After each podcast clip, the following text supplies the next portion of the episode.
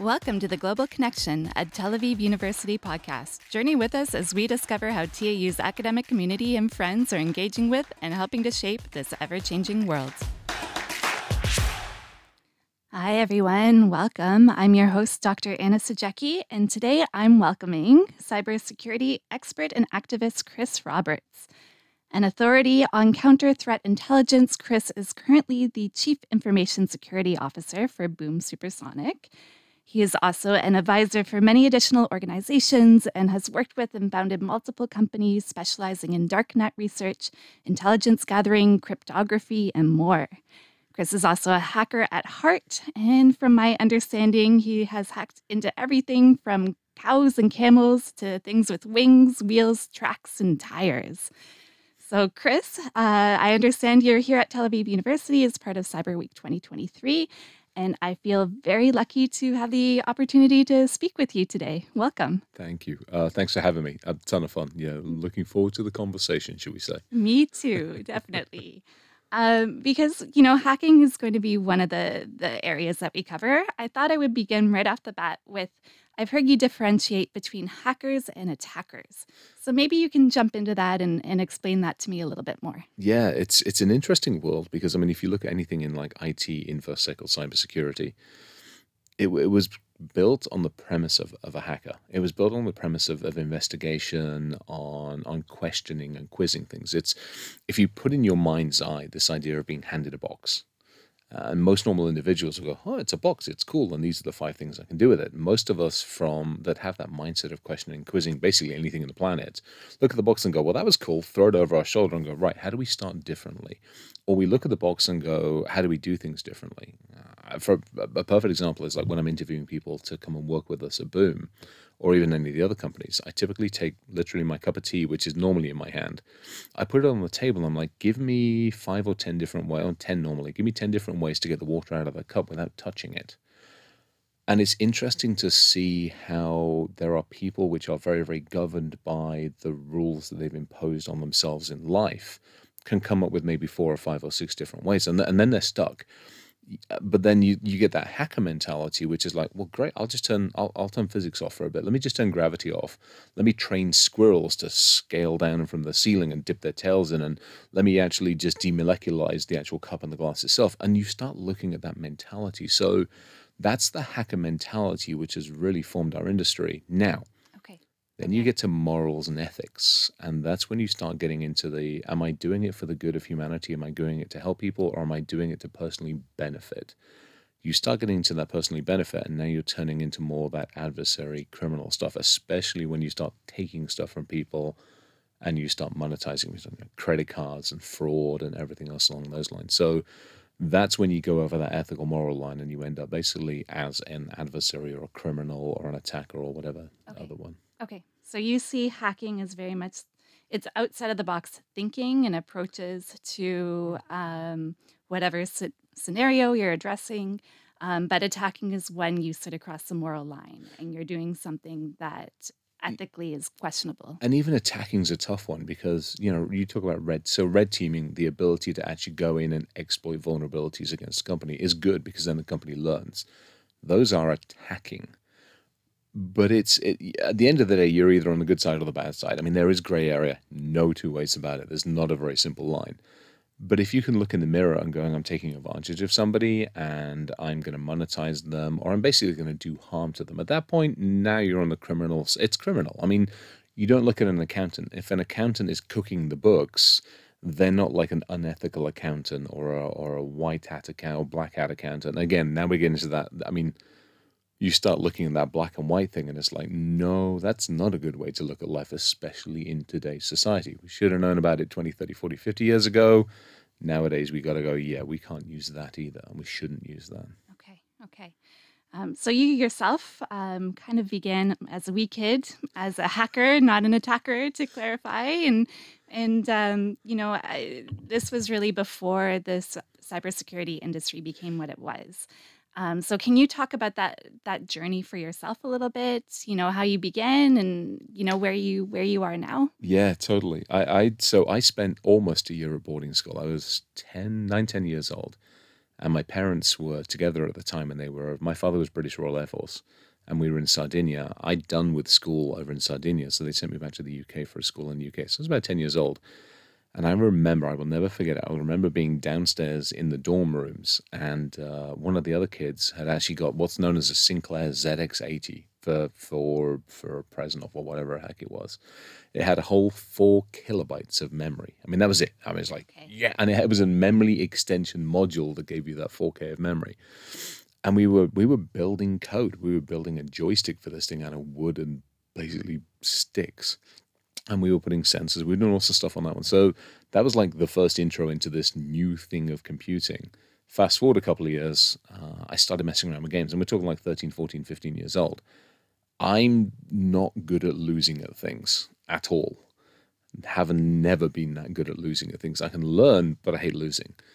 And so I would play these games and you'd lose at the games. And again, these are early games. These are command line DOS games. And uh, I remember playing a couple of them I didn't like losing. So I started looking at the code behind the game. I get the magazines, I would go onto the bulletin boards, and I learned how to code the game so that I didn't necessarily lose as much as I used to.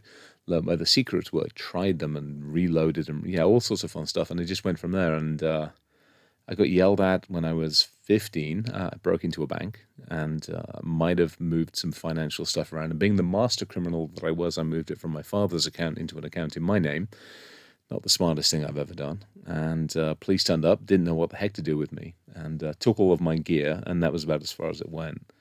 Got yelled at again a couple of years later for doing, for basically walking into my boss's office, explaining that you know I, I felt I was underpaid, and I'd broken into the mainframe and uh, took everybody's payroll and walked into not again not the smartest, not the smartest thing I could have ever have done. You're a teenage hacker. Oh, Sounds like you're a gosh. teenage hacker. Yeah, all yeah. sorts, and I. Yeah you know, as there was, we had CDC, Cult of the Dead Cow, in those days. So there was a whole lot of us that were doing a lot of stuff of, of interesting stuff. You know, it was all the the early phone days where we would go up against the phone companies because you wanted long distance, you wanted to be able to get into the modem bulletin board. So that's where it started. And I took a break at 18, jumped into the military, and went from there. And uh, got back into it. Got yelled at a few times again.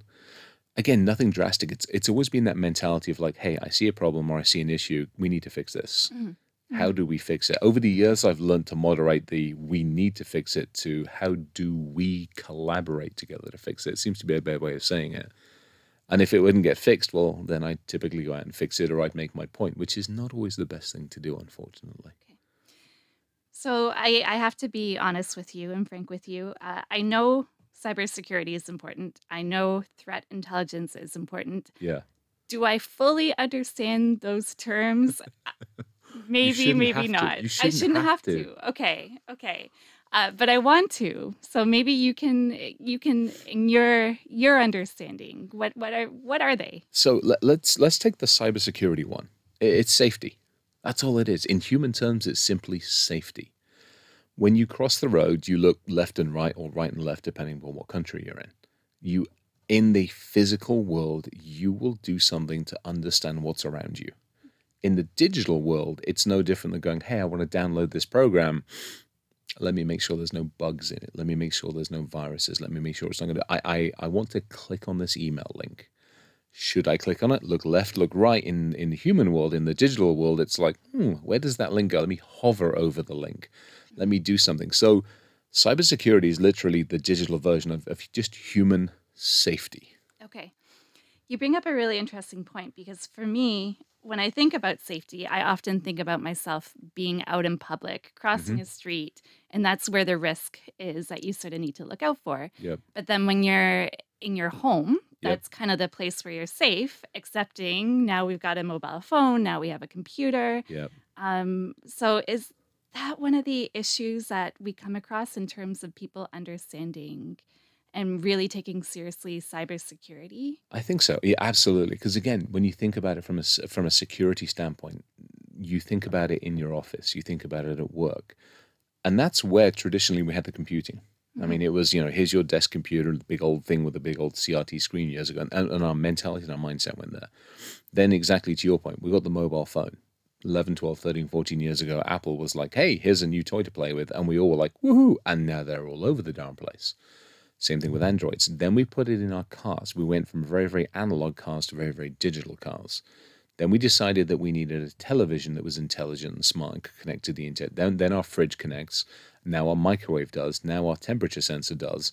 And they all connect and they all talk directly to systems on the internet. So that whole idea, and I mean, the Dick Tracy watch, 1950s Dick Tracy's watch with it. Now, now so many people are basically wearing the damn things. Right, right. And so you have, and and I, and as humans, we haven't caught up with that. As humans, we think these are cool toys, they're fun, they're and they enable us to do amazing things, but we don't think about the consequences of what's happening behind the scenes. Okay. And there's a risk to it all. There's a risk to wearing the watch. There's a risk to obviously being on your phone. Um, Yep. what do we need to be aware of? I think as humans, I, I- truthfully, on my if I if whatever's left of me whenever the end happens, what I would love on the tombstone is something like ask more questions or should have asked one more question. Because as humans, we uh, and again, especially today, we question less and we still trust. We, and it's tough because in a, in in the human world, we want to be able to trust people. Part of the reason for coming to conferences is to see somebody in person, to break bread with them, to understand them before I let them into my company. Mm-hmm. And we do that.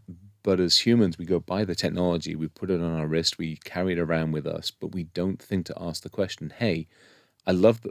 So, a perfect example, we'll take a step back for a second. I live in America land. It's the land of the free, the home, the brave, and a whole bunch of other crap that's going on at the moment. But we all have guns, lots of the damn things, quite Right. a lot. Right, right. And I always say this out. I'm like, okay, you're sitting at my desk. I, I have a loaded weapon at my desk. And to me, my phone is more dangerous than that gun. Okay. That gun at short range can do damage at a range of, you know, maybe a couple of hundred yards. But that phone, I can kill somebody from halfway around the planet. Okay. But we don't think like that. Okay. Okay. What do you mean you can kill somebody from your phone? Do you mind me asking? No, absolutely. Yeah. So there's several different ways of looking at it. You think about how do I influence people? Mhm. If I'm looking at you or I'm talking with you, we're having a good conversation. But you think about online bullying. You think of the cyber influencing side of it. You think of troll, what they call trolling people. Basically, a whole bunch of people ganging up on one person. What happens to that human? They're now influenced in the digital realm, and they take it out on themselves in the human realm. And now we have another suicide, or now we have something else that's occurred.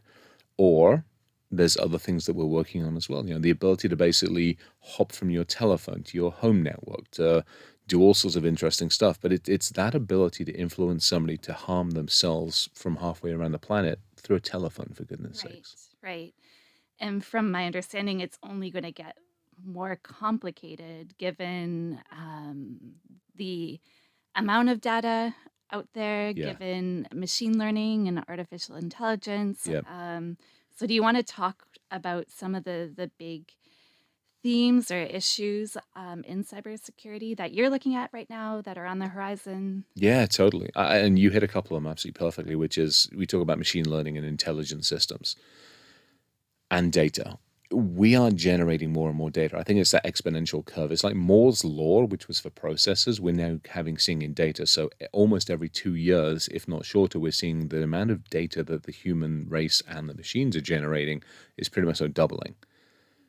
One side of that, we've got more data to look at. We can sift through it. Downside of that, we can profile more efficiently. And we see that every single day. You know, you go online to the internet, you suddenly go to search for a shopping bag. And then five minutes later on your Facebook page or on something else, it starts telling you about shopping bags and how wonderful they are and how to buy all these other ones.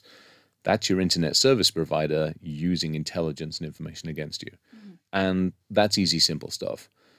Then you start looking at potential of profiling. So if I have this where threat intelligence comes in, as a human being, as we walk through life, we are leaving digital breadcrumbs everywhere.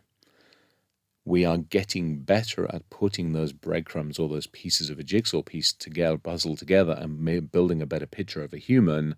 And then how do I influence you? We've seen it in elections. You know, we, we've had the U.S. elections. We've had elections all over the world that the U.S. has meddled in. Let's be honest where digital data is used against the population because humans trust. If I look something up, I don't no longer. Uh, when was the last time anybody picked up an Encyclopedia Britannica and actually looked at something that had been verified, had gotten been cross-referenced, and we understood from a panel of experts that it should be in the encyclopedia. No, what do we do these days? We don't look something up; we Google it. And so now we Google it, so then we don't we don't validate that. Google tells us something, we trust it. So we haven't done well at explaining to a population, hey, you see what you see on the computer, but do me a favor, ask another question, just go validate it. So when you get to artificial intelligence, and especially you start looking at the new the I wouldn't say the newer stuff with ChatGPT, but the fact that we've released it to an entire population, it tells you something, you you immediately and innately trust it. You don't go, huh, I see what you're telling me about, let's say, a political situation, and I'm just going to trust it. I'm not going to go out and validate maybe against Wikipedia, which isn't also another, which is also another, maybe a similar source of truth. You don't go to the BBC, you don't go to NPR, you don't go to the universities and validate. We just accept what's what we've been told. Right. Um, now, I've I've heard you criticize the cybersecurity industry before for not being human centered Yep. enough. Um, you know, we were talking a little bit earlier. You mentioned uh, there's compassion missing in terms of uh, people. Um, so, can you can you talk about your your concerns here? What what do you mean by the fact that it's not human centered enough? I think there's there's there's a whole bunch of things Uh, on this one, and, and we talked about it a little bit, which is, you know, our industry our industry's been built on. Let's ignore the humans and put technology around them to to make things safer. Unfortunately, the attitude has been inside cybersecurity to blame everybody else. When a user clicks on something, we blame the user you know, when the finance person doesn't give us the budget, we blame finance. When maybe something doesn't happen, we're very, very quick to blame everybody else.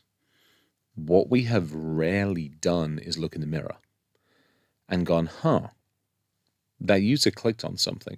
Well, why did they click on it? Because they got an email with a link in it. Okay. Should that email have even made it to that user for them to click on it?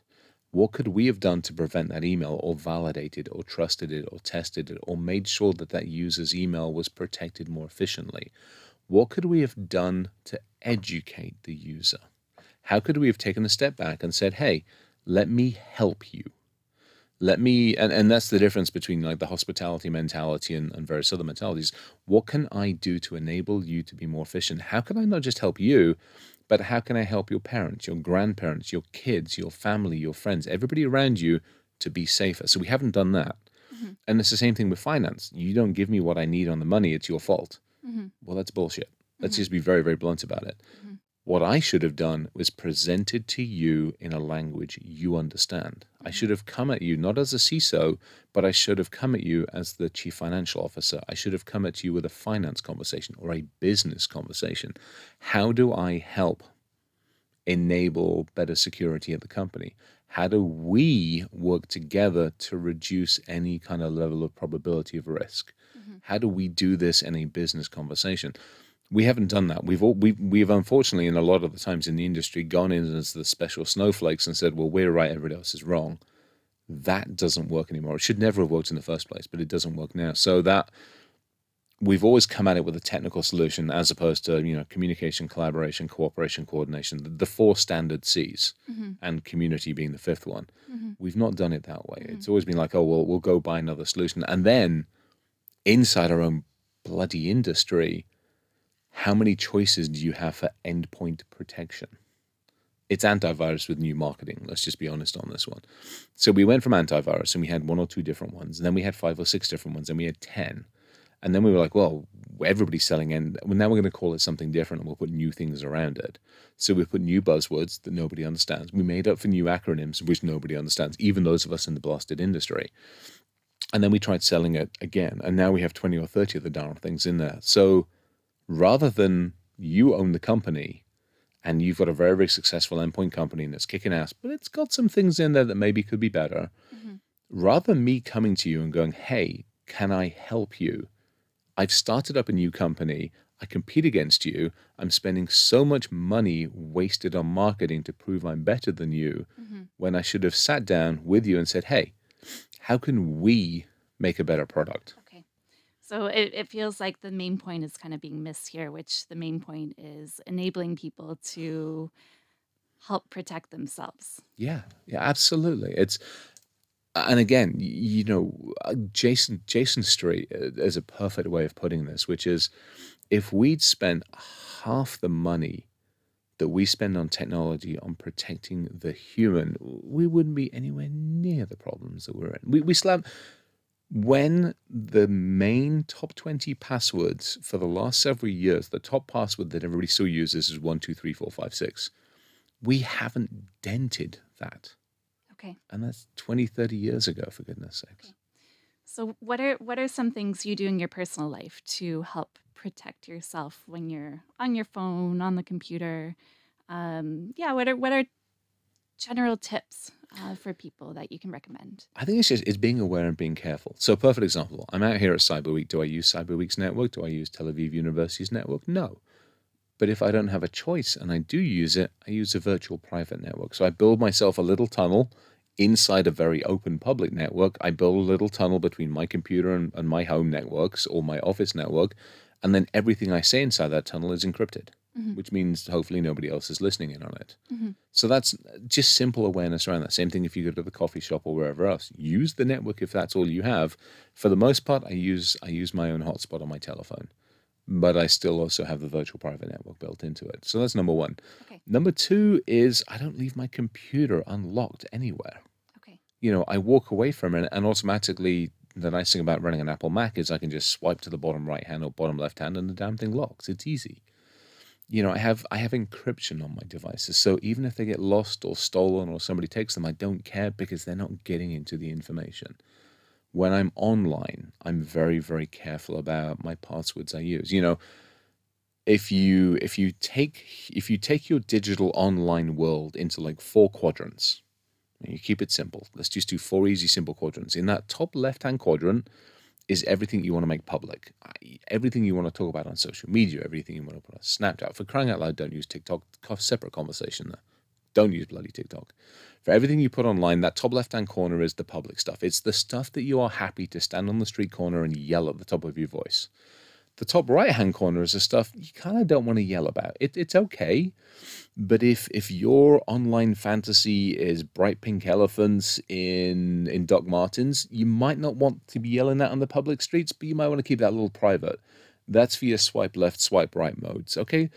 Now, the bottom left hand corner, that's the stuff you really care about. That's your banking stuff. That's all your banking and financials. That's your life. That's your social or national security number. It's all that's your driver's license. That's the stuff you want to keep care of. Bottom right hand side stuff, that's the stuff you don't even want on the computer. That's the stuff that's in the diary that never needs to see the light of day. And each one of those has its own separate like ecosystem. You don't share passwords between the four of those. You don't use the same email address. You just keep them very, very carefully. It's, it's buckets. Okay. Okay. Nice simple way to do it. That actually sounds simpler than I thought it, it might be. You know, just having yeah. four different buckets and yeah. thinking about which information goes where. Yeah. Yeah. Okay. Um, before we go, because I know you're always working on really, really fascinating research. Um, so can you talk a little bit about some of some of the big research questions you're asking right now? Some of the the projects you uh, feel comfortable talking about? Yeah, this this I, I love it. Again, this is the squir- This is like the squirrel hacker part of me that comes out. I um I'm having some fun. I'm having lots of fun. It's driving me nuts as well, but I'm having fun. So I'm doing a couple of things. First, where do we start with this? Let's start with the brain. Let's just start with the brain. Okay. So I've been working for a couple of years and I'm still doing more stuff on it. At some point in time, as, as my, I get older, I always joke about wanting to retire to a mainframe on New Zealand. Well, how do you do that? How do you take an aging, old, grey, curmudgeon body and digitize it? How do you take everything that's in the brain and build it so it isn't an AI system, it's me. And you're doing that right now. Yes, I'm working on that right. I'm actually okay. I'm, I'm, I'm, my computer and I are learning together about me.